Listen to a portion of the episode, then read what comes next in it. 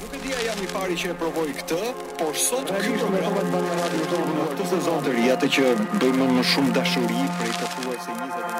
Kur ka pyetje, për përgjigje të forta. Eno Popi rikthehet në Top Albania Radio.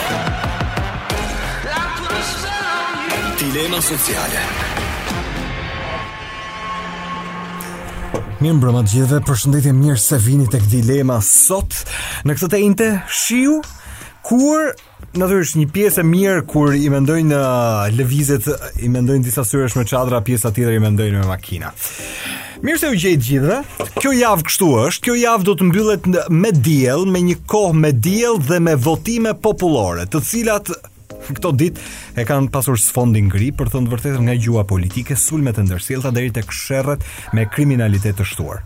Këto të fundit absolutisht të dënueshme nga çdo krah që i afilohen ose i jep mbështetje, ndërsa gjuha politike është krejt normale për një vend vogël dhe sidomos një fushatë në kulminacion. Numërimi mbrapsht ka ardhur, sprinti final, gati minus, uh, domethënë, për tre ditë shkojmë në zgjedhje, ditën e diel, ku i gjithë leximi politik që i është bërë votës, do të vërtetohet nga qytetarët se çfarë drejtimi politik do t'i japin këtij vendi. Kryeministri mbrëmë te Real Story, tek Sokol Balla, deklaroi hapur se adrenalina e vetme politike që e bën për të mbajtur angazhimin e tij personal është 72 vende e lartë në parlament, pra fitore pastër, sepse i duket jo normale që ky vend shkon për dhjamë qeni qeverisjeje me koalicione numrash. Ndërkohë demokratët nga ana tjetër e reflektojnë qartë se ndryshimi o ndodh o ndodh. Pra s'ka skenar tjetër. Përfshirë dhe matematikën e koalicioneve paszgjedhore. Dhe gjithë kjo frymë politike në emër të votës popullore. Në këtë moment që flasim janë së paku 5 sondazhe publike të mediave, pra televizive, dhe Sipas informacioneve që mora dje, na qenkan së paku dhe diku te 13 të tjera të nëndheshme që në mënyrë, a, pra siç thashë të nëndheshme, prej kohësh duan të lexojnë votën e shqiptarëve. Në një pikë ama bashkohen të gjitha sondazhet, tek një evidentim i dukshëm që vazhdimisht i bëhet elektoratit pavendosur, atyre që nuk përgjigjen për një mijë e një arsye, atyre që në thelb mendojnë se po të flasin mund të penalizohen diku, kanë një lloj frike, sepse nuk deklarohen me votën ose i bien shkurt gënjejnë. Unë nuk dua t'i hyj fare sondazheve si sistem anketimi, as algoritmeve që përdorin për t'iu afruar së vërtetës.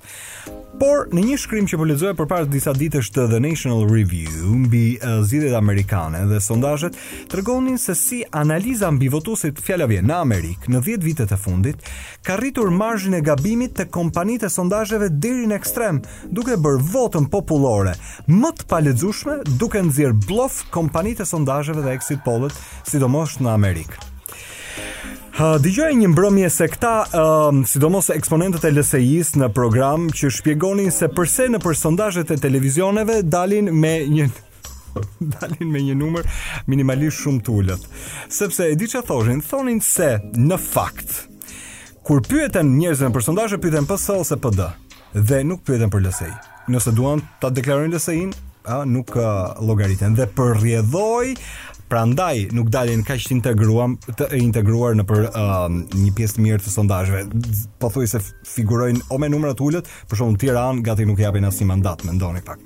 Megjithatë, gjithsesi dita e votimit do ta tregojë thelbësisht se si do të shkojë kjo punë, por dilema mbetet deri tek numërimi. A është e lexueshme vota e shqiptarëve? A përkthehet në mandate fryma që trumbetojnë të gjithë? Qeveria për të mbaruar punët e lëna në mes ose opozita për të nisur nga fillimi planin e vet qeverisës? A jemi ne tek frika për ta treguar bindjen politike që kemi ose bindjen për të votuar.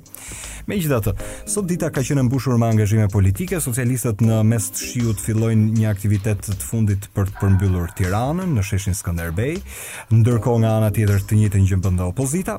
Pjesa tjetër, ajo që shef jetën e vet, është makinat tani, është uh, duke lëviz, ka zëvëndësu çadrat me makinat, dhe ata që kanë votën në dorë, po aq pyesin, por gjithë këto numra që dëgjojmë, a është vërtet e lexueshme vota e shqiptarëve?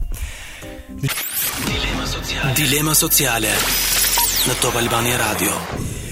Mirë, uh, unë e thashë pak më parë ne sot duket sikur po bëjmë një lloj kolaudimi që në sensin një pjesë e mirë e kolegëve të cilët do të angazhohen në, në periudhën zgjedhore, pra ditën e zgjedhjeve, sidomos pas që është procesi më akut ai i numërimit për të parë rezultatin, në radio ne do të bëjmë po ashtu. Edhe nuk do të jem vetëm, do të jem me Denis Dyrnjajan, uh, po ashtu do na bashkohet Kolo dhe unë sot i kam thirrë një pjesë Një program sepse dua që um, rrjedhimisht të analizojmë atë që duket sikur ne po shkojmë drejt asaj rruge që është rruga e leximit të një realiteti të përditshëm, po me vetëm minus 3 ditë na ndajnë nga dita e diel që është dita e zgjedhjeve. Denis, mirëmbrëma. Eno, mirëmbrëma, faleminderit. Kënaqësi që bisedojmë këtë pasdite shiu në Top Albania Radio dhe ndaj mendimet tona me dëgjuesit që Ama, besoj në ditë. Ditë diel del dielli, kështu që bëhemi gati pas votimeve për të mbledhën radio ditë e hënë ditë. Më mirë të po kishim ditë me shi natyral e diell elektoral sesa të kemi të kundërtën. Dhe që meqë jemi tek shiu natyral, sot partitë po përpiqen të përmbyllin Tiranën, po ditë me shi, po shihja se si po organizoheshin socialistët, ata kanë bërë atë trëndafilin e madh në sheshin Skënderbej, po karriget ulëset i kanë, nuk e di sa kishin shkuar diku tek 3000 e sa ulëse më thanë, shi i madh, se si do ta mbyllin s'e di. Kam dy dy opinione të shkurtra për këtë mitingun përmbyllës të socialistëve. Në fakt, është një shembull edhe uh, paraqitje shumë e mirë vizuale. Vizu, jo, distancimi social që okay. e kanë ruajtur gjatë gjithë fushatës elektorale, pra me një stoicizëm të përpiktë, Rama është përpjekur që të reflektojë konkretisht vetë distancimin social me me këto takime sidomos nga fundi se në fillim edhe vetë ai nuk është se ishte i mësuar por nga ana tjetër Kjo me sa duket ka kaluar kufijtë e, e vetëpëlqimit dhe shikoja ca plane nga lart me atë trëndafilin në rozë të bërë në, në konceptin e imazhit nga sipër dhe më duket shumë koreanoveriore me thënë të drejtën pse kjo pjesa e madhështisë ka një lloj delirimi. Pjesa e madhështisë apo pra- pjesa e estetikës që po duket si nivel po, spartakian. Ka, ka një ka një interpretim aty midis estetikës dhe madhështisë. Unë e shoh te shkoj, anoj pa dashje nga deliri. Do të duket shumë delirante. E kam ka një, duket ndjehet një vetëpëlqim kur e ke parasysh kur sheh një foto që të pëlqen shumë ashtu i duket e sheh Rama ndarë dhe ah madhështore thotë ky takimi. Do të thotë vetë s'e kupton kam vështirë. Kështu e përfytyroj Ramën në mbrëmje kur sheh takimin e ku dëgjon Elbasanit, Vlorës, edhe sot me Tiranën. Jo, ma, ma kemi qenë madhështorë, merr merr në merr dikë që ka më të afërtin për t'ia shpreh këtë gjë. E brilant, ëh, brilant ai që i thot nga krahu tjetër. Po, me fjalë sikur mos kishte thënë ti, ne s'do e kishim bërë këtë dhe ky fluturon edhe më shumë. A do të ta vazhdoj, ta vazhdoj unë duke të e mendoj që është spekulative kjo, por atë duke ta hedh ty topin, po kush shef pjesën tjetër. Shef çan ça ça bën opozita. Njerëz që uh, Po më le të flasim çik për mazhorancën njëherë, se opozitës hajde t'i biem se e mban në fjalë. Po. Jo, po jo, pyetje. Po, jo, pyetje për. Pra, e, le të vazhdojmë. Pra Denis, ai e shef këtë që ka parë i pëlqen, por nga ana tjetër shef ça bëjnë tjerët. Ka një lloj vrrulli turme të vazhdueshme që ndjek vazhdimisht organizimet e demokratëve. Çfarë mund të thotë ai për ata? Mendojmë. Shiko, të them diçka? Aha. Uh -huh. Në opozitë nuk ka lajm, që do të thotë opozita po bën të njëjtën sjellje rutinore që ka bërë elektoralikisht edhe më përpara me Berishën, me turmat, me makina, me ato flamujt ashtu. Domethënë nuk opozita s'kishte asnjë gjetje. Edhe spotet televizive që i ka bërë të kandidatëve i ka bërë njësoj. Edhe lëvizjet njësoj me ca njerëz mbrapa, me të njëjtët kandidatët dalin me të njëjtat lëvizje duarsh. tipikisht një një kinezëri në kopje, domethënë në në kuptimin metaforik negativ. Nuk e di pse ata korean ata kinez. Koreano-verior. Koreano-verior. Se ti Korea është nivel kuptoj, është nivel Seuli. Koreano-verior është pak, e kuptoj, është nivel Seuli. Në vete, domethënë. Jo, edhe koreano-verior nuk është se janë njerëz me estetikë të dobët, janë jo, me estetikë shumë mirë, por mendërisht delirues. Kjo është çështja. Këtu bashkohet uh, mhm. filmi i Tiranës me Phenianin. Okej, okay, që të kthehemi prapë ku e mhm. nisëm. Pra, ideja është që opozita nuk kishte qasje të re në në, në historinë e saj. Domethënë mhm. edhe tentativat për të bërë një frymë me spotet ishte komplet një copy paste i gjithë secilit, vetëm thjesht burrë, grua, burrë, grua, burrë, grua, ndryshon dhe kjo. Po jo, po jo, po jo, Salsano te Portugalia që imiton një koleg. Po. Ama fryma, sido që të jetë, nuk ka qenë kaq në nivel ë uh, në nivel fladi. Ne kemi pas situatë polarizuar, ah, kemi pasur një shtim të uh, numrit uh, të situatës së kriminalitetit në vendet Ty tani buzëqeshja rrudhet pra. Ty buzëqeshja rrudhet sepse Elbasani është vetëm Ti e lexon krejt të, të zakonshme për fushatën Apo mendon që diçka po paralajmërohet Jo. Edhe për atë që do të ndodhë 26 e tutje. E no unë do më lejosh që të spekulloj, sepse është e pamundur që ne ta ta provojmë këtë që unë do të them, okay. por nëse unë do të jepja një një figurë krahasuese në në këto këto për për mendimin tim përtej 97-s që ishte një precedent i paimagjinueshëm ku armët ishin sheshit dhe kishin që nga fëmijët 10 vjeç e deri te pleqtë nga dy tre armë, jo nga një. Këto janë zgjedhjet më të militarizuara që kemi bërë ndonjëherë. Pra, zgjedhje në një periudhë të qetë, por që janë të militarizuara. Ç'do të thotë, fjala militar ti e di që buron nga pjesa ushtarake, po Qerti. në fakt është konteksti për të treguar që këto janë zgjedhjet më të veshura ë në kontekst ë e patllakes në brez, e kuptoj. Po e patllakes në brez nëse mund ta themi kështu, perfekt fare, më thjesht, më e mundur. me grupe të armatosura, banditësh, grupe kriminale që i afrohen politikës, s'ka rëndësi kujt krahu, as më intereson fare që të merrem se kush ka më shumë, se ka LSI-ja, se ka PD-ja, se ka PS-ja. Fakti që ata janë, madje fakti që ekzistojnë grupe kriminale, është një problem jashtëzakonisht i madh për Shqipërinë në tërësi për imazhin. Dhe dua ta lidh këtë gjë okay.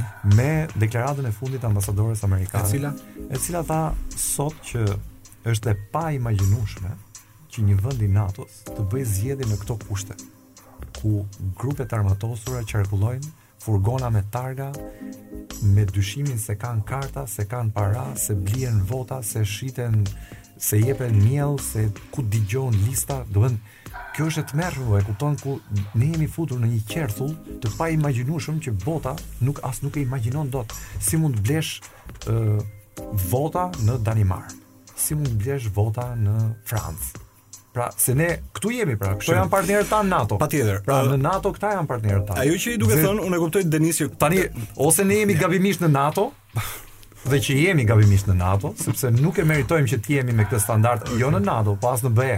Okay. Sepse në fakt jemi futë si për sevap, se derisa thot ambasadorja ne jemi këtu për t'ju parë se çfarë po bëni, ne jemi si ata fëmijët që dalin nga pylli dhe kanë jetuar një 10 vjet të humbur, edhe tani duhet t'i strukturosh me jetën normale. Okay. Dhe kjo vjen jo se ne s'dim se çfarë është jeta normale, përkundrazi e dim më mirë dhe se një amerikan dhe se një italian dhe se një gjerman, por sepse poshtërsia për të marrë pushtet të pamerituar, për të gëzuar pushtet të pamerituar dhe financiar shoqëruar, na shtyn në këto skuta të errta njerëzit partitë dhe së fundi edhe viktimat dhe nuk besoj se do jetë i pari që ishte në Elbasan.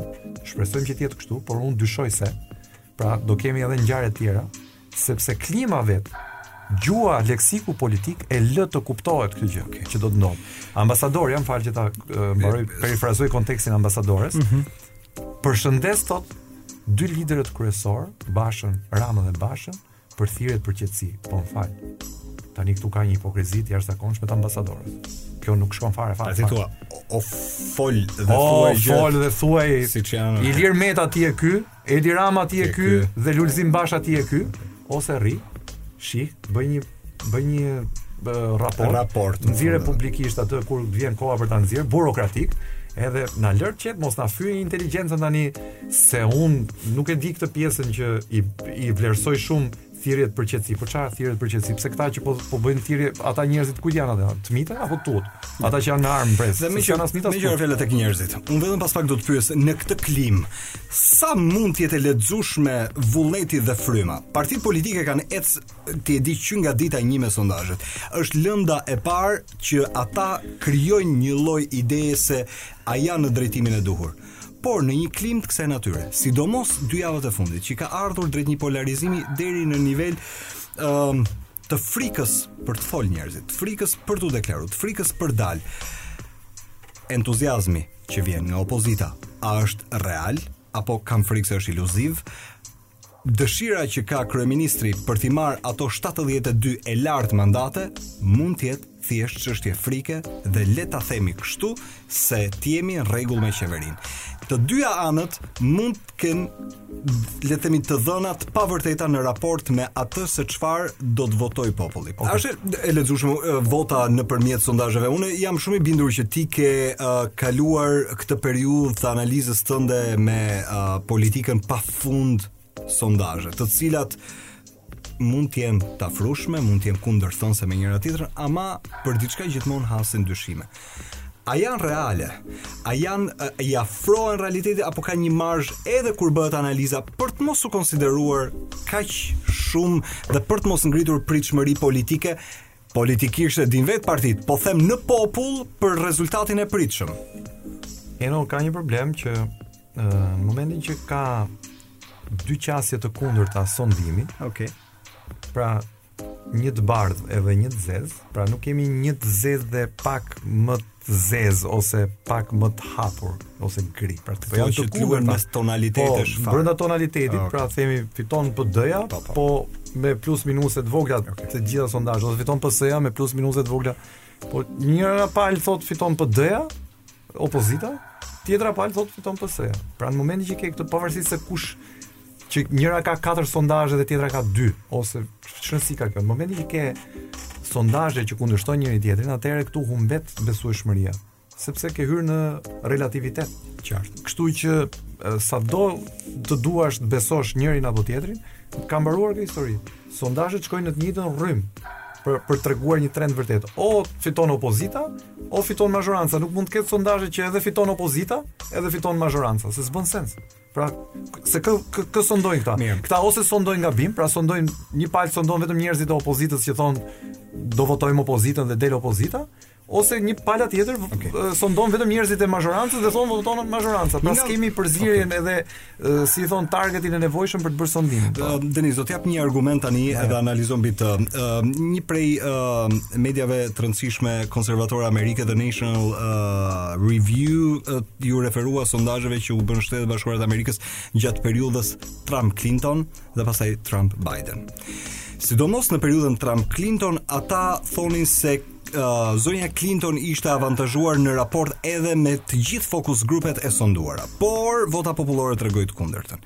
Duke iu referuar po ashtu pastaj të njëjtit studim, që treguan se si sondazhet rritën marzhin e gabimit deri në fatalitet, sondazhet tregonin që në periudën e parë të uh, fillimit, Trump kishte një lloj epërsie ndaj Bidenit, kjo edhe për shkak se ai ishte në pushtet. Po Por më vonë eventualisht u kuptua që pra, nuk lexohej qartë vota e amerikanëve në atë jo, rast. Jo, unë jam në një mendim tjetër në fakt. Unë mendoj që uh, Trumpi si fenomen, i cili është uh, outsider politik. Ah, okej. Okay krijoi paparashikueshmërinë në sondimin e, e mandatit të, të fitores së okay. parë, pra jo të garës së dytë. Kështu që ajo ajo ishte një një garë e paparashikueshme për shkak të tipologjisë që ka Trumpi si politikan.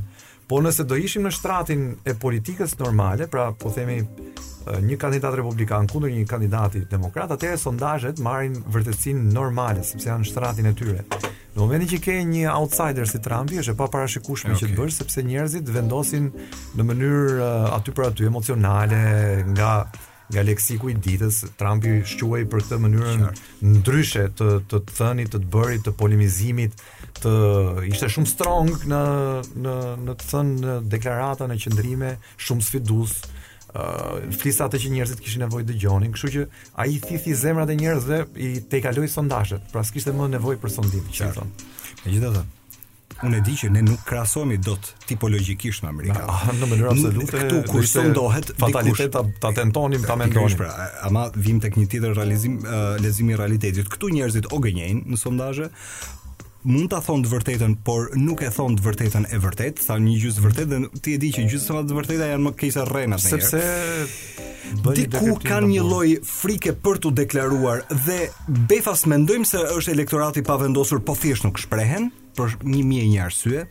Shumë kanë një lloj frike se po të deklarojnë votën pasi dolën dhe këto historitë me patronazhim dhe me të dhëna personale, këtu pastaj ka një qasje të, le të themi, vëzhgimit në distancë apo ruajtjes në distancë të votës që njerëzit po luajnë mend se kush po na shef kush po na i di kush po na pse s'kemi të tregojmë është një miks, jo. është një miks i reminishencës që na ka lënë e shkuara e frikës për ta thënë votën për ta thënë votën për të shprehur vullnetin ose tendencën se vota në një kuptim është është personale është pra, rrjedhimisht është e palexueshme është e palexueshme kjo është e para po e dyta ë, ne jemi ë, si të them në një kuptim në, në thelbin tonë edhe pak popull tradhtar në sensin që që e themi kështu dhe, por në fakt bëjmë tjetër gjë. Okay. Dhe kjo duhet të ketë të bëjë me gjenezat e së shkuarës në në sjelljen tonë si karakter. Kështu që duke i mveshur kësaj edhe deformimin që i ka dhënë tani korruptimi i votës, pra blerja e votës. Pra tani është e paparashikueshme fare fare fare që të të të kuptosh se si është tendenca. Pra në një në një kuptim. Të vetmet që dinë realitetin janë vetë partitë që kanë strukturat e veta që i përgjigjen në kolonë, pra që kanë një lloj orientimi mbi votën. Por ato nuk e tregojnë këtë, sepse nuk mund të tregojë një parti ose s'mund të pranojë publikisht, cilado qoftë ajo forcë politike që është humbëse. Pra çdo forcë politike do hyjë në zgjedhje duke deklaruar fitoren, është normal. Si dy skuadra që futen në lojë, do thonë unë futem për fitore, pastaj se si mbaron ndeshja në fund fare, duket nga rezultati. E çështja është që në në ndryshe nga një ndeshje që luhet në fair play me arbitër i cili mund të bëjë gabime jo qëllimore, por mund të bëjë gabime njerëzore, Këtu gabimet bëhen me dashje. Lexova një analizë ë, përpara ë, disa ditësh ë, të Afrim Krasniqit që merrte në le të themi në shqyrtim rastin e Gani Bobit në vitin 2013 për shkak edhe të mosafrimit me realitetin kur një pjesë e mirë sipas tij e metodologjisë së pyetjes shqiptarëve ishte e gabuar. Dhe rrjedhimisht kur ka kapërcime shumë të forta në thyerje mandatesh, një pjesë gënjejnë. Sepse diku sipas tij kanë një lloj frike për të folur hapur sepse diku mund të cënohen o nga paratë rrjedhimisht sepse partitë politike e bëjnë këtë. ose nga vendet e punës, sepse partitë politike e bëjnë këtë, ose sepse praktikisht janë njerëz që futen në lojë me lekët. Marrin majtas, marrin djathtas, po, marrin qendër. Në çdo rast po, po flasim për korruptimin e votës. Po, po. Në thelb është korruptimi i votës, pra korruptimi i vullnetit. Okej. Tani çështja është që ë, deformimi që ka pësuar mënyra se si ne e konceptojmë votën, do rrjedhimisht çon edhe në një papërcaktueshmëri të votës paraprakisht. Pra, do ishte subjektive nëse ne sot mund të flasim që fiton opozita ose fiton mazhoranca. Përtej perceptimit po themi, po flasim për sondim që të të tregojë një vlerë reale, pastaj perceptim, perceptimi është komplet subjektiv. Okej, okay, pyetje. Ti i ke parë vazhdimisht se sheh uh, raportet edhe dhe grafiket po. Ke gjetë një gjë që nuk shkon, ke gjetë vazhdimisht gjëra që kërcasin, gjëra që ty logjikisht nuk do duhet të jenë po, kështu po, në këtë. Po ta thash, në krye të bisedës okay. që ne nisëm, në qoftë se një sondazh i Enos, se s'po vë emrat e kompanive. E nxjerr mazhorancën fituese, sondazhi i Denisit nxjerr opozitën fituese. Këtu ka një gjë që nuk shkon apo jo, dhe është gjëja thelbësore që këtu nuk shkon. Pra, ose sondimi im është i manipuluar në që në pikënisje, pra niset me një qëllim të caktuar për t'i shërbyer forcës që unë dua të investohem, Ose është kryer në mënyrë të gabuar metodologjia e pyetësorit. Pra, është marrë një target grup i veçuar specifik, jo me shtrirje tërthortë që të kapet edhe uh, ai që është i mazhorancës dhe ai që është i opozitës. Shiko, Eno. Uh, Shqipëria në 2013 tregoi që uh, voton me shpirt kundër neverisë dhe neveria kryesisht është qeveria. Qartë.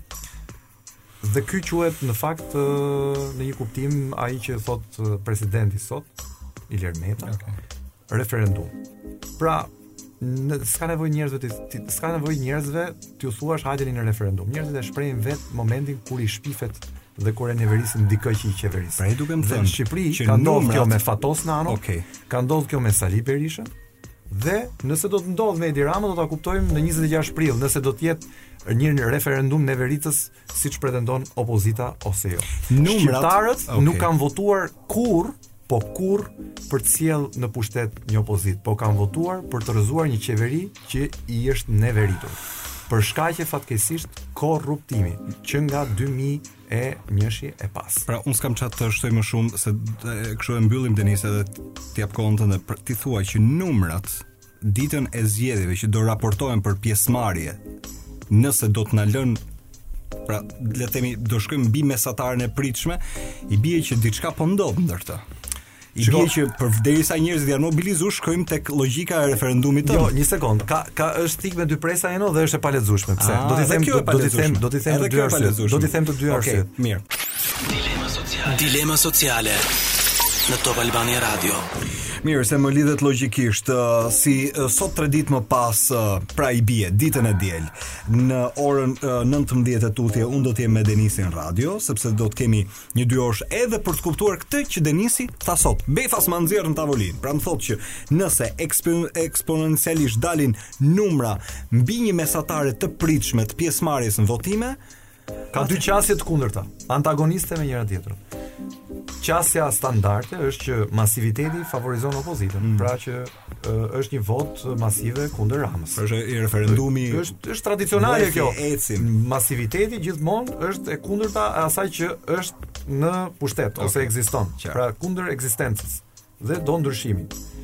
Por në kushtet e, sh e Shqipërisë ka një specifikë që uh, reforma në drejtësi, personazhet që janë involvuar politikisht, e shkuara e tyre, raportet me korrupsionin, mund të përkthehen masiviteti edhe një votë e shtuar e atyre të cilët janë të mërzitur me Ramën, por mendojnë që ka një rrezik përtej Ramës ose riciklim i të panevojshëm Pra, një të keqeje nuk mund t'i shkojë me një të keqe të përtej. Pra, që ka llogaritë të saj natyre. Po ka njerëz që që që nuk duan sot janë të neveritur nga politika në Shqipëri për shkak se mënyra se si po bëhet politikë, mënyra se si po po po ushtrohet pushteti të paktën nga 2005-a e mbrapa. Okay.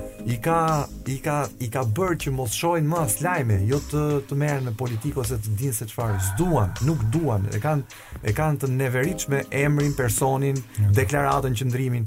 Sot kishte pashë në në në në mediat online se fatmirësisht që epoka digjitale na e ka mundësuar, ne kishim bërë një super montazh, Eno, të deklaratave të njëri tjetrit. Po çfarë të them, çfarë neverie? Monika Kryemadhi lëvdonte Edi Ramën si njeri i jashtëzakonshëm dhe tani ti e ke parasysh vetë se çfarë perlash të tmerrshme nxjerr Monika Kryemadhi për Edi Ramën. Pra, Dhe ja kishin vënë përballë. Pastaj nxirrnin Sali Berishën për Ilir Metën, pastaj Ilir Metën për Sali Berishën. Tani i nxirrnin të dy çfarë mrekullish flasin si flet Iliri për doktorin, doktori për Ilirin. Edhe gjithë kjo është një neveri, Eno. Është një çështje e vërtetë. Për njerëzit që kanë një lloj koherence dhe morali, ka nevojë që të kesh këto nivele të larta universitare të jo, kuptosh të lloj plehër qëndrimi se po flas kështu tani që s'është as në etikën time, as në nivelin profesional, po kjo është plehro-politikë, e kupton? Okay. Në fakt është populiste si deklarim ose okay. si cilësim, por kështu e meriton, se është e pamoralshme, e paetikshme, pra s'ka etikë, s'kanë uh, koherencë S'kanë kohezion, pse? Për shkak të parasë dhe interesit. Unë të falenderoj Denis që erdhe. Uh, nëse praktikisht janë përpjekur të gjithë të lexojnë votën në një moment, unë di të them që si këto palë zgjedhje, vota realisht pa ndodhur ende procesi, ka qenë, siç edhe diskutuam, edhe për shkak të sondazheve dhe numrave, herë pas here kundërthënëse, ndonjëherë në... Uh, Nivel absurd për mënyrën se si anketohet një dorë njerëzish në raport me një tjetër. Po ca gjëra kam përshtypjen që njerëzit i kanë kontroll vetë dhe kjo është vota. Po, këtë e kemi në kontroll vetë, të shkojmë me votu ne, për të mos lënë asnjë tjetër që o të votojë për ne ose të na shpërdorojnë votën. Votën bosh, votën bosh. Dilema sociale. Mirë se u rikthyet në program. Unë sot uh, kam thirrur sërish në program, por siç ju thashë, duket si kolaudimi i asaj se çfarë do të bëjmë në radio për zgjedhjet, po uh, këto janë diskutimet urbane, diskutimet e zakonshme, diskutimet e tavolinave më tani. Nuk unë nuk e di, nuk fus dot përqindje se sa mund të flasin njerëzit për politikën ditore si uh, sport i fjalës edhe i manovrimit, por është e pashmangshme. kudo ku rrotullohesh edhe um, edhe mjediset që mund të shkosh, ke njerëz që pa diskutime kanë kryefjalë ditore. Kur thamë po bëja kolaudimin sot, Denisi më ndihmoi në pjesën e parë. Tani më ndihmon Kolo Cukali. Koloreto mirëmbrëma. Mirëmbrëma, ju përshëndes. Ëm um, Shih ve, kur e mendoja të hënën si uh, ditën tënde, pastaj thashë me vete shih ve dy gjëra. E enjtja, nuk e di, a të kap ty me përtaci java, apo kjo si një javë e cila me shira nëpër këmbë, por dita e diel, që është dita e votimit, ka diell edhe premton të jetë, për ty ka qenë gati si um, si javë jo e zakonshme, si javë me pritshmëri, si javë uh, e cila ti ke thënë që Dëgjo, një çikë adrenalinë ka ka në midis. Ka E vërtetë është. Mm. E vërtetë është. Ë uh, një javë shumë e rëndësishme. Unë mendoj që është është vështirë të flesh këtë javë. Do në qoftë se të bëhet pak vonë për Shqipërinë, për veten, për gjëra që mund ndodhin me ty, me jetën tënde. Mendoj që është një javë që nuk flihet kollaj gjumë. Ok, Kolo, tani unë do të të fus uh, në një diskutim i cili nuk është i tanishëm, por uh, duke qenë se jemi vetëm 3 ditë larg zgjedhjeve, duket si sprinti final. Ia kanë marrë për sprintin final dhe ti e di se çfarë ndodh 48 apo 72 orët e fundit. Pjesa më e madhe e politikës do tentojë që të luajë në gjuhë e në komunikim edhe për votat finale. Por a mendon ti se është vota e shqiptarëve e lexueshme? A e kemi ne që tani në këtë moment që flasim prej sondazheve, anketimeve, një lloj uh, leximi të orientimit të votës popullore apo mendon që është krejt e pamundur kjo?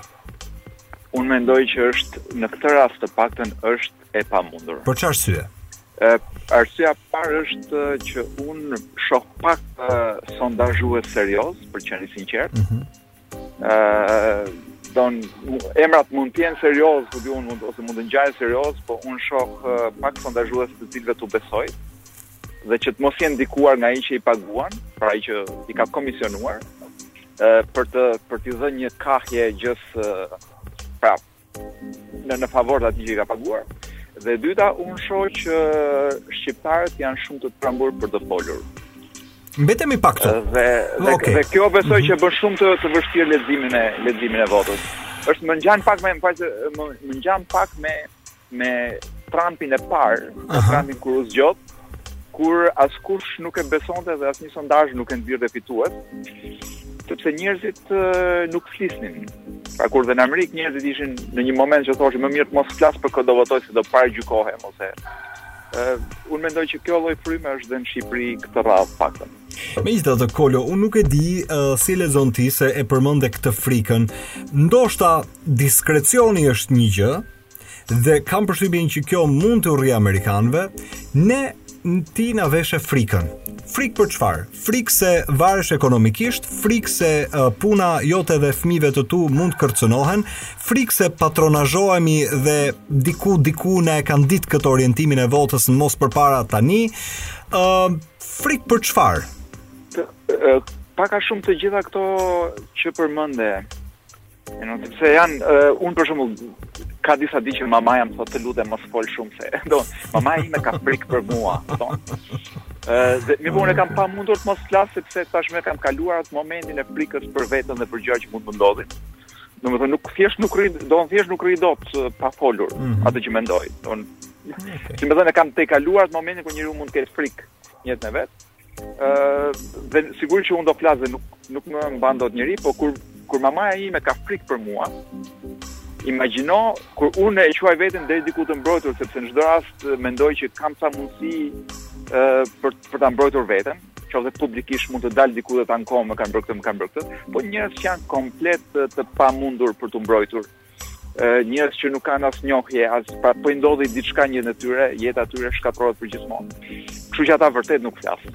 Pra kur mamaja thotë të lutem mos fol, ata e dinë që nuk duhet të flasin dhe mos merret vesh ë se çfarë po ndodh. Patronazhizmi është kjo gjë që shpërtheu me patronazhistët tregon pikërisht këtë gjënë që monitorimi është arritur në nivele Gestapo-je praktikisht. Megjithatë Kolo, shiko, duket tingëllon naive, të thuash që okej, në rregull, po ti ke frikë, frikë për çfarë se në fund të ditës gjithë secili mbyllet në shtëpi të vet. Por nga ana tjetër kur e sheh se si pjesa më e madhe e kompanive përpiqen që të anketojnë apo sondojnë opinionin, këtu pastaj ka një lloj diskutimi që nëpërmjet frikës në të dhe nuk qenka as element uh, i injorueshëm frika. Dhe po ashtu edhe mënyrës se si uh, për një mijë e një arsye njerëzit mund të mos ta thonë të vërtetën. Pse të dyja partitë sot po nxjerrin fitore uh, fituese njëra tjetrën? Demokratët thonë ndryshimi o ndodh o ndodh dhe s'ka uh, s'ka një rrugë tjetër, do ndodhë që ç'ke me të. Socialistët praktikisht me Edi Ramën dje tek Sokol Balla në Real Story, uh, të paktën zoti Rama thoshte se 72 e lart si ambicie 300 300 300 e sipër mandate. jo, jo, jo, 72 e lart s'e kam si ambicie, nëse shkoj tek në kufijtë 68 apo pra, si me thënë nuk kapim 70-ën, unë e lë fare këtë histori sepse nuk kam ndërmend për hall bëj koalicion me të tjerë. Po po t'i shohësh sondazhet, po, të dyja partitë nxjerrin fituse veten. Ë, kjo unë besoj, arsyeja e parë është që ata duhet të pra të imponojnë tek ndjekësit e vet ë besim. Pra që mos dekurajohen, dhe dekurajimi është që nga momenti që ti kur sheh që partia jote s'ka shanse të fitojë, ti nuk ti ndoshta përton shko, shkosh votosh. Ëh. Mm -hmm. ose për shembull Ti përton të rrish dhe të numërosh vota ose përton si me thënë ti sh, kur thuhet po ta themi kështu shqip gjuhë të përditshme ti shkrehesh. Mm -hmm. Dhe kjo është për të karikuar ndjekësit dhe sidomos këta që do punojnë në zgjedhje, po edhe votuesit besnikë. Ë gjëja e dytë dhe kjo vlen më shumë për zotin Rama është nevoja për të dekurajuar ë të tjerët. Pra për të imponuar imazhin e njeriut të sigurt që i ka të gjitha nën kontroll dhe që ju kot lodheni. Dhe, dhe ti percepton që ama se ky këta i kanë rregulluar, dhe një perceptim i tjetër që këta i kanë rregulluar muhabetet. Pra, ti tulatesh dhe thua s'ia vlen votosh. Dhe unë mendoj që strategjia e zotit Rama gjatë gjithë kësaj kohe ka qenë e komunikimit, flas. Ka qenë negativiste Për t'i thënë publikut, asaj masës gri, mos shko të votosh. Se këta janë njëlloj si ne, se këta janë kështu, se ky është shumë ato epitetet e veta folklorike. Pra kjo ka qenë gjithë që ky ka qenë gjithë qëllimi i fushatës. Mos shkoni të votoni. Me dëshirën, siç mendoj unë, me dëshirën që në ditën e votimit të shkohet vetëm me me militantë, ku besoj ai mendon ose është i sigurt që ka shumicë militantësh në raport me partitë e tjera. Pra, trembet nga zona gri. Zona gri, unë mhm. mendoj, ose ata që thonë që po mendohen për kë do hedhin votën, unë nuk mhm. besoj që po mendohen për ta hedhë për Ramën apo për opozitën. Ata po mendohen për opozitën, ose për të mos dalë fare. Pra, nuk është, ata, zona gri nuk është Rama, gjykoj unë. Pra, unë nuk ka njeri që po pret 3 ditët e fundit të bindet nga retorika e kryeministrit që ia vlen ta rivotosh. Nuk besoj. Okay. Pra kush kush do ta votojë atë mm -hmm. e ka mhm. mendjen të mbushur që që pa fillu fushata. Janë shumë ata që po na dëgjojnë tani në makina, uh, rrjedhimisht nuk janë pjesë e uh, tifozerisë politike sot pra në këtë moment që ne flasim natyrisht socialistët janë drejt përmbylljes së takimit tyre në sheshin Skënderbej demokratët po ashtu domethënë sot e ka pas LSI-ja nga ana tjetër në sheshin Nënë Tereza demokratët janë në Durrës kam përshtypjen që edhe ata po presin për të përmbyllur fushatën me kryeqytetin pra sido që të jetë po të shohësh në qytet jeta vazhdon, nuk ne nuk është se ndalojmë frymën. Dhe ata që janë në makina tani, janë duke menduar nëse ditën e zgjedhjeve numrat pra pjesa masive, nëse ne do të kuptojmë që ka një mobilizim të njerëzve për të dalë në votime. Për çfarë flasin ato, sipas teje?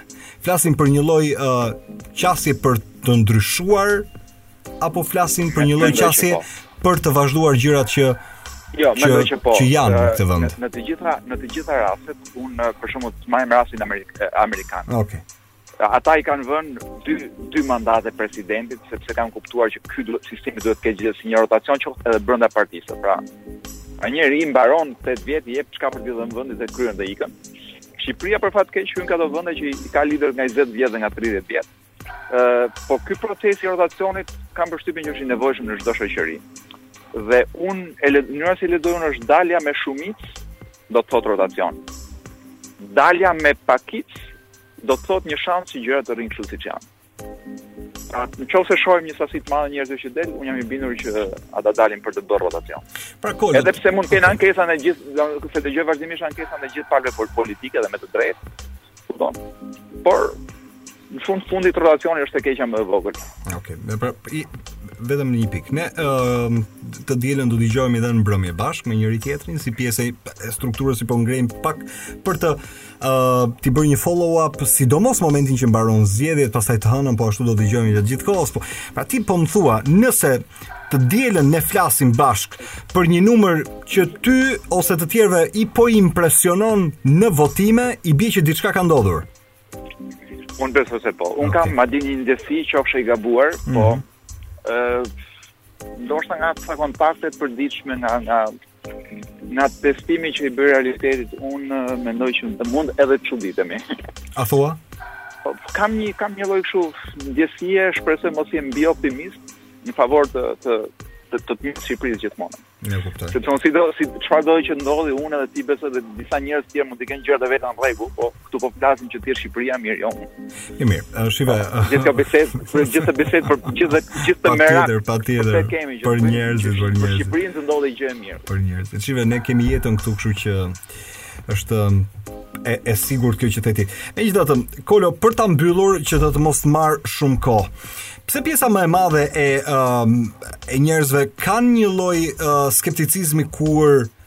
pyeten dhe ti e the pak frikën, po kanë një lloj skepticizmi kur uh, edhe pyeten nëse orientimi i tyre politik është uh, fjala vjen orientimi tradicional apo e duan një lloj ndryshimi.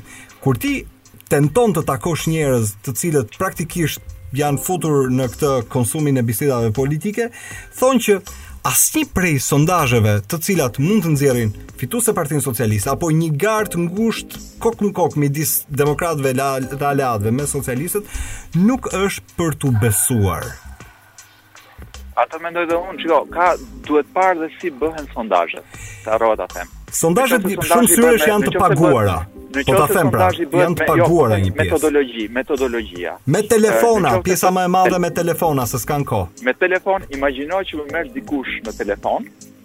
dhe më thotë ti je filani, po, për kë do votosh?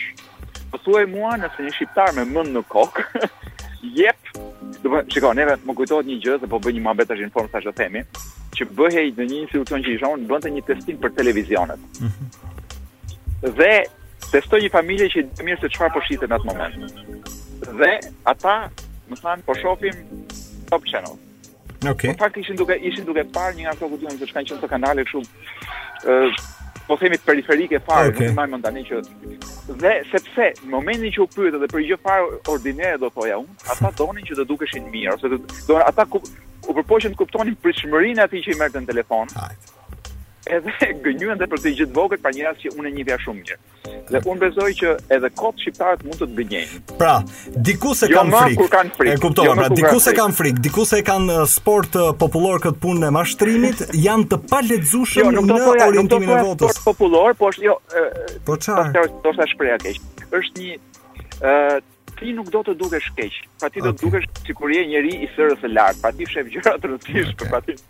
Nuk do të dukesh, ë, pak a shumë ajo gjë që ndodhi me Trumpin që shumë njerëz kishin frikë se paragjykoheshin se ishin Trumpist dhe nuk e tregonin që votonin për Trumpin.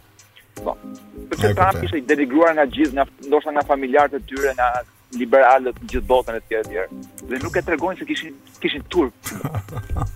me bo... Oh, shkoj kjo histori me bo coming out se je trampist, nuk e di. Kolo, unë të falenderoj edhe të uroj natën e mirë, në digjohemi uh, prapë të dielën bashkë, e do të jemi po ashtu të dielën edhe të hënën kontakt, natën Kolo. Unë e njoh prej shumë vitesh si njeri që uh, njeh shumë mirë ekspertizën mbi anketimet edhe sondazhet, mbi analizën e opinionit, mbi produktin, në këtë rast produktin politik. Ervin Goci është me mua në në radio. Mirëmbrëma Vini, më dëgjon? Po, të dëgjoj. Okej, okay, për pak ti ishe shumë ishe aty, ndërkohë unë thosha mirëmëngjes, një moment thashë me vete çfarë po i them këtij njeriu. Okej, okay, Vini. Dëgjo, një pjesë e mirë e sondazheve që ti ke uh, lexuar këtë periudhë. A kanë një gjë që nuk shkon? Para se të futem pastaj në detaje mbi argumentimin e, e diskutimit, uh, ka disa nivele të problematikave të sondazheve, janë disa që kanë të bëjnë me metodologjinë të tipit për shembull që një pjesë janë të deklaruara publikisht që janë të bëra me telefon mm. dhe teknika e telefonit me thënë të drejtën uh, mendoj që dhe nga fillimi fillimi i shekullit 20 ka pasur popullaritet, pastaj nuk është përdorur shumë me sa di unë.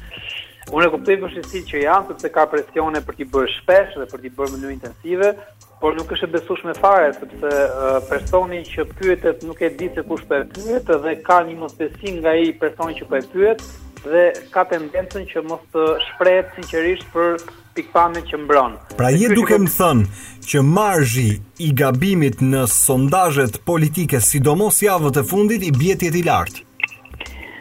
Ka shumë mundësi, e dyta mund të ndodhi kjo që për shembull unë të marr në telefon ty, ti s'ma nuk, të themi nuk më okay. përgjigjesh dhe unë kam tendencën që të shkoj tek dikush tjetër. Dhe ndërkohë kampioni është i ndërtuar në mënyrë të tillë që zonat e tua janë shumë të sakta dhe precize dhe duhet një person pak a shumë në vendndodhjen tënde me me moshën tënde, në gjininë tënde etj etj. Dhe pastaj këto kalimet dhe spostimet që bëhen kapin më shumë disa trende mas, masiviteti sesa saktësi sesa saktësi rezultati. E vetmja saktësi që këto mund të japin janë janë besoj uh, trendet, domethënë që ka një trend lëvizës. Këtë besoj se mund ta kapin ngaqë uh, bëjnë matje të herëpashershme dhe shikojnë që ka një lëvizje opinioni, një trend lëvizës, këta mund ta kapin. Saktësi, më duket, më duket goxha, goxha e vështirë, okay. aq më tepër që ne kemi sipas vetë sondazheve që këta japin, dalin nja 20%, 20 e kusur përqind të pavendosur dhe të pashprehur për subjektin që do votojnë. Uh, pak para se të lidhesha me ty, unë thashë që ti ke eksperiencë të gjatë në uh, ekspertizën mbi uh, sondazhet, kampionimet, këtë pjesën e anketimit publik.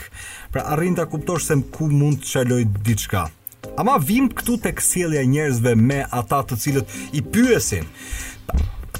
Kole po më thoshte që është çështje frike.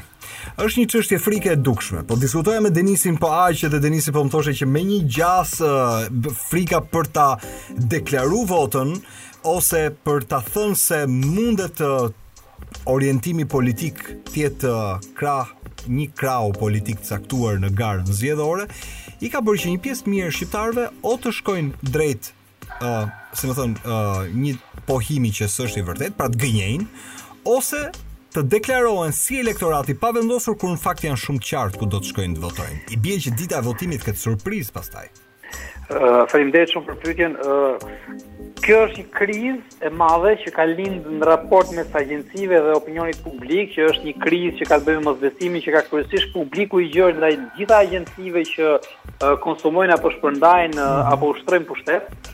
Dhe kjo ka prodhuar, që të kujtoni, në rastin e sondazheve në Amerikë, kur u zgjodh Trumpi, të cilat gjitha thonin që është 5-6 pikë, 7 pikë përpara Hillary Clinton. Mm -hmm. Ditën e zgjedhjeve, fitoi Trumpi. Dhe ishte një përmbysje totale. U hap një krizë e madhe, filloi një debat i jashtëzakonshëm, Dhe keni parasysh një gjë se ato shoqëri funksionojnë mbi besimin dhe u vu në krizë gjithë industria e sondazheve sepse në fund fare doli komplet jashtë përdorimi se nuk i besonte më njeri dhe këta filluan të pyesin veten ça ka ndodhur.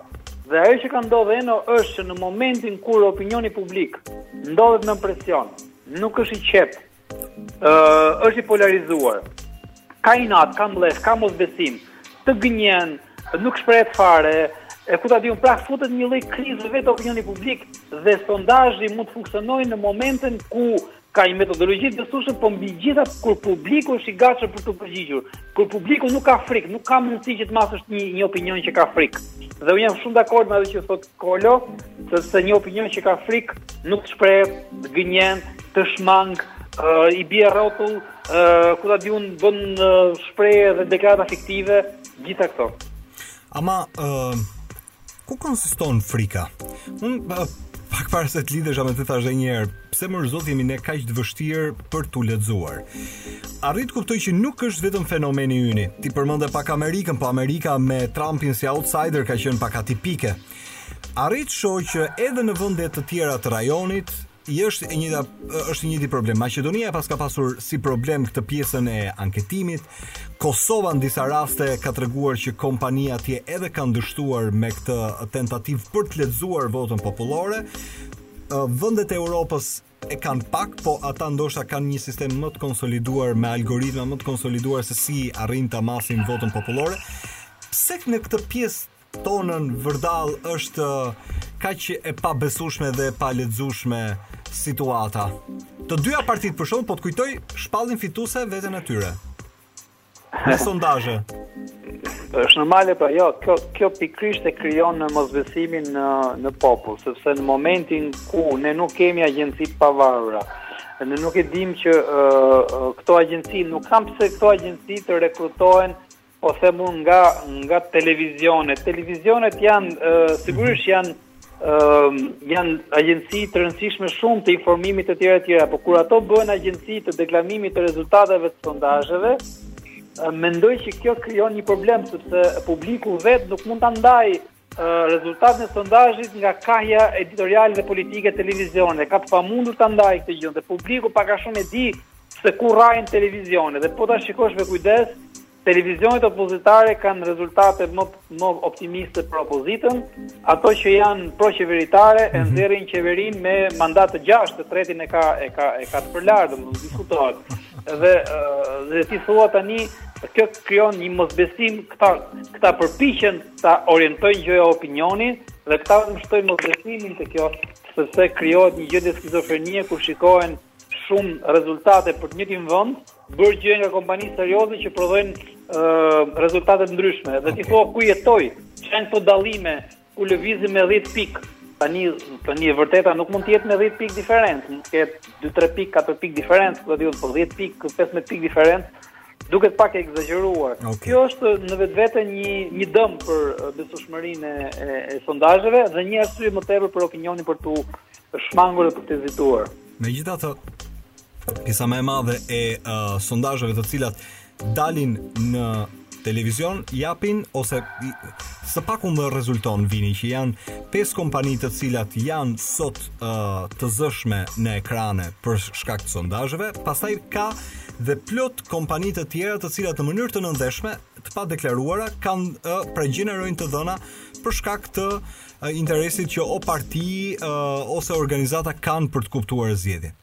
Ajo mm -hmm. që praktikisht dua të kuptoj është ne realisht me nëpërmjet sondazheve prodhojmë një frymë që ndikon në zgjedhje në votë janë 3 ditë të fundit ky është sprinti final i bie që nëpërmjet rezultateve, të dhënave që prodhohen, mund të ketë ndikim masa apo njerëzit tani më janë të vendosur e kanë ndan kokën e tyre dhe kjo pastaj do të vërtetohet kur të fillojë numrimi 25 mbrëmje.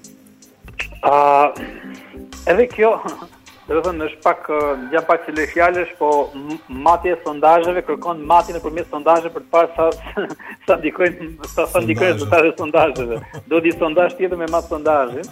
Ëh, është pak problematike. Në fakt po të përgjigjem me atë çfarë kishte thënë një ditë Fatos Lubonja po ashtu në analizën e vet. Duhet të të sondohen sondazhet, pra të kuptohet nëse son, bëjmë një sondazh po, po. popullor nëse njerëzit besojnë te sondazhet apo jo.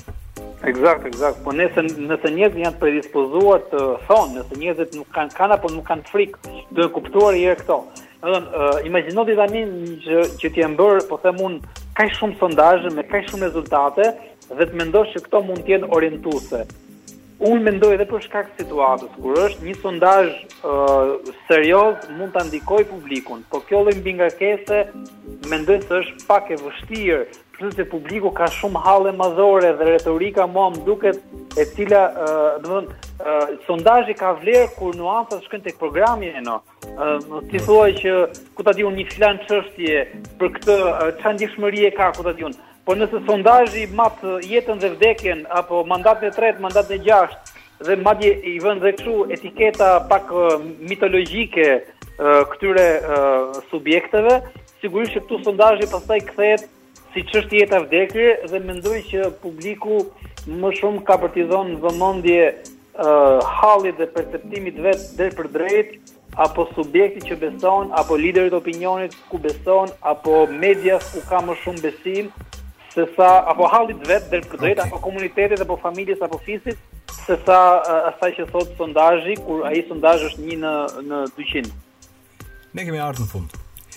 Ervin unë të falenderoj që uh, ti bëre, si me thënë, një ekspertizë mbi uh, pjesën e sondazheve si formë. Kanë qenë që nga janari e tutje element të analizës publike. Megjithatë, ajo që po ashtu është e pamohueshme është që Vota popullore, së paku me qasjen e njerëzve është vështirësisht e lexueshme. Kur do të mësohet? Edhe tre ditë dhe pastaj fillojmë kuptojmë se kush ka qenë së paku më afër realitetit në anketim në formë se si i ka lexuar njerëzit dhe çfarë rezultatesh kanë nxjerrë. Natën e mirë Vini. Faleminderit shumë, natën e mirë, më duhet të lejoj dhe një fjali të po, fundit. Po, patjetër. Jo, ideja është këtu, është shumë e bukur kjo pjesa, sepse duket sikur sondazhet nuk kanë lidhje me sjelljen politike. Në fakt kanë lidhje, në shkuptim kanë lidhje. Shikoni se sa qetë ecën perëndimi, ka agjenci që janë specializuara, publiku i ndjek dhe ka ato orientime të veta, kompanitë nëpërmjet sondazheve rikalibrojnë programet e të tjera okay. i përshtatin. Shiko çfarë lloj paqe ka dhe çfarë lloj vazhdimësie dhe sondazhi ka besueshmëri dhe Partitë politike i shërbejnë publikut dhe publiku mëson nëpërmjet sondazheve të tyre ja, dhe gjithçka është një sistem. Prish një hallkë nga këto dhe bie gjithë godina. Faleminderit natën e mirë. Faleminderit natën e mirë Vini. Ndërkohë, Dilema mbyllet këtu për sot. E enjte në darkë ju e dini që një pjesë e mirë e ritualit është nëse s'keni lënë një darkë me njerëz të shtëpisë apo me uh, njerëz që duhet të lëvizni. Mbrëmje pastaj do jam e sigurt i sigurt që do t'ju mbyll në shtëpi në ekran për të parë këto debatet e mbrëmjeve. Ama ne do dëgjohemi ditën e diel. Ditën e diel me Denisin, me Kolon, me gjithë gazetarët e Top Channel dhe rrjedhimisht edhe me uh, njerëz e miq kolegë do të bëjmë analizën e pas votimit. Të hënën pastaj do të jemi gjatë. Natën e mirë gjithëve.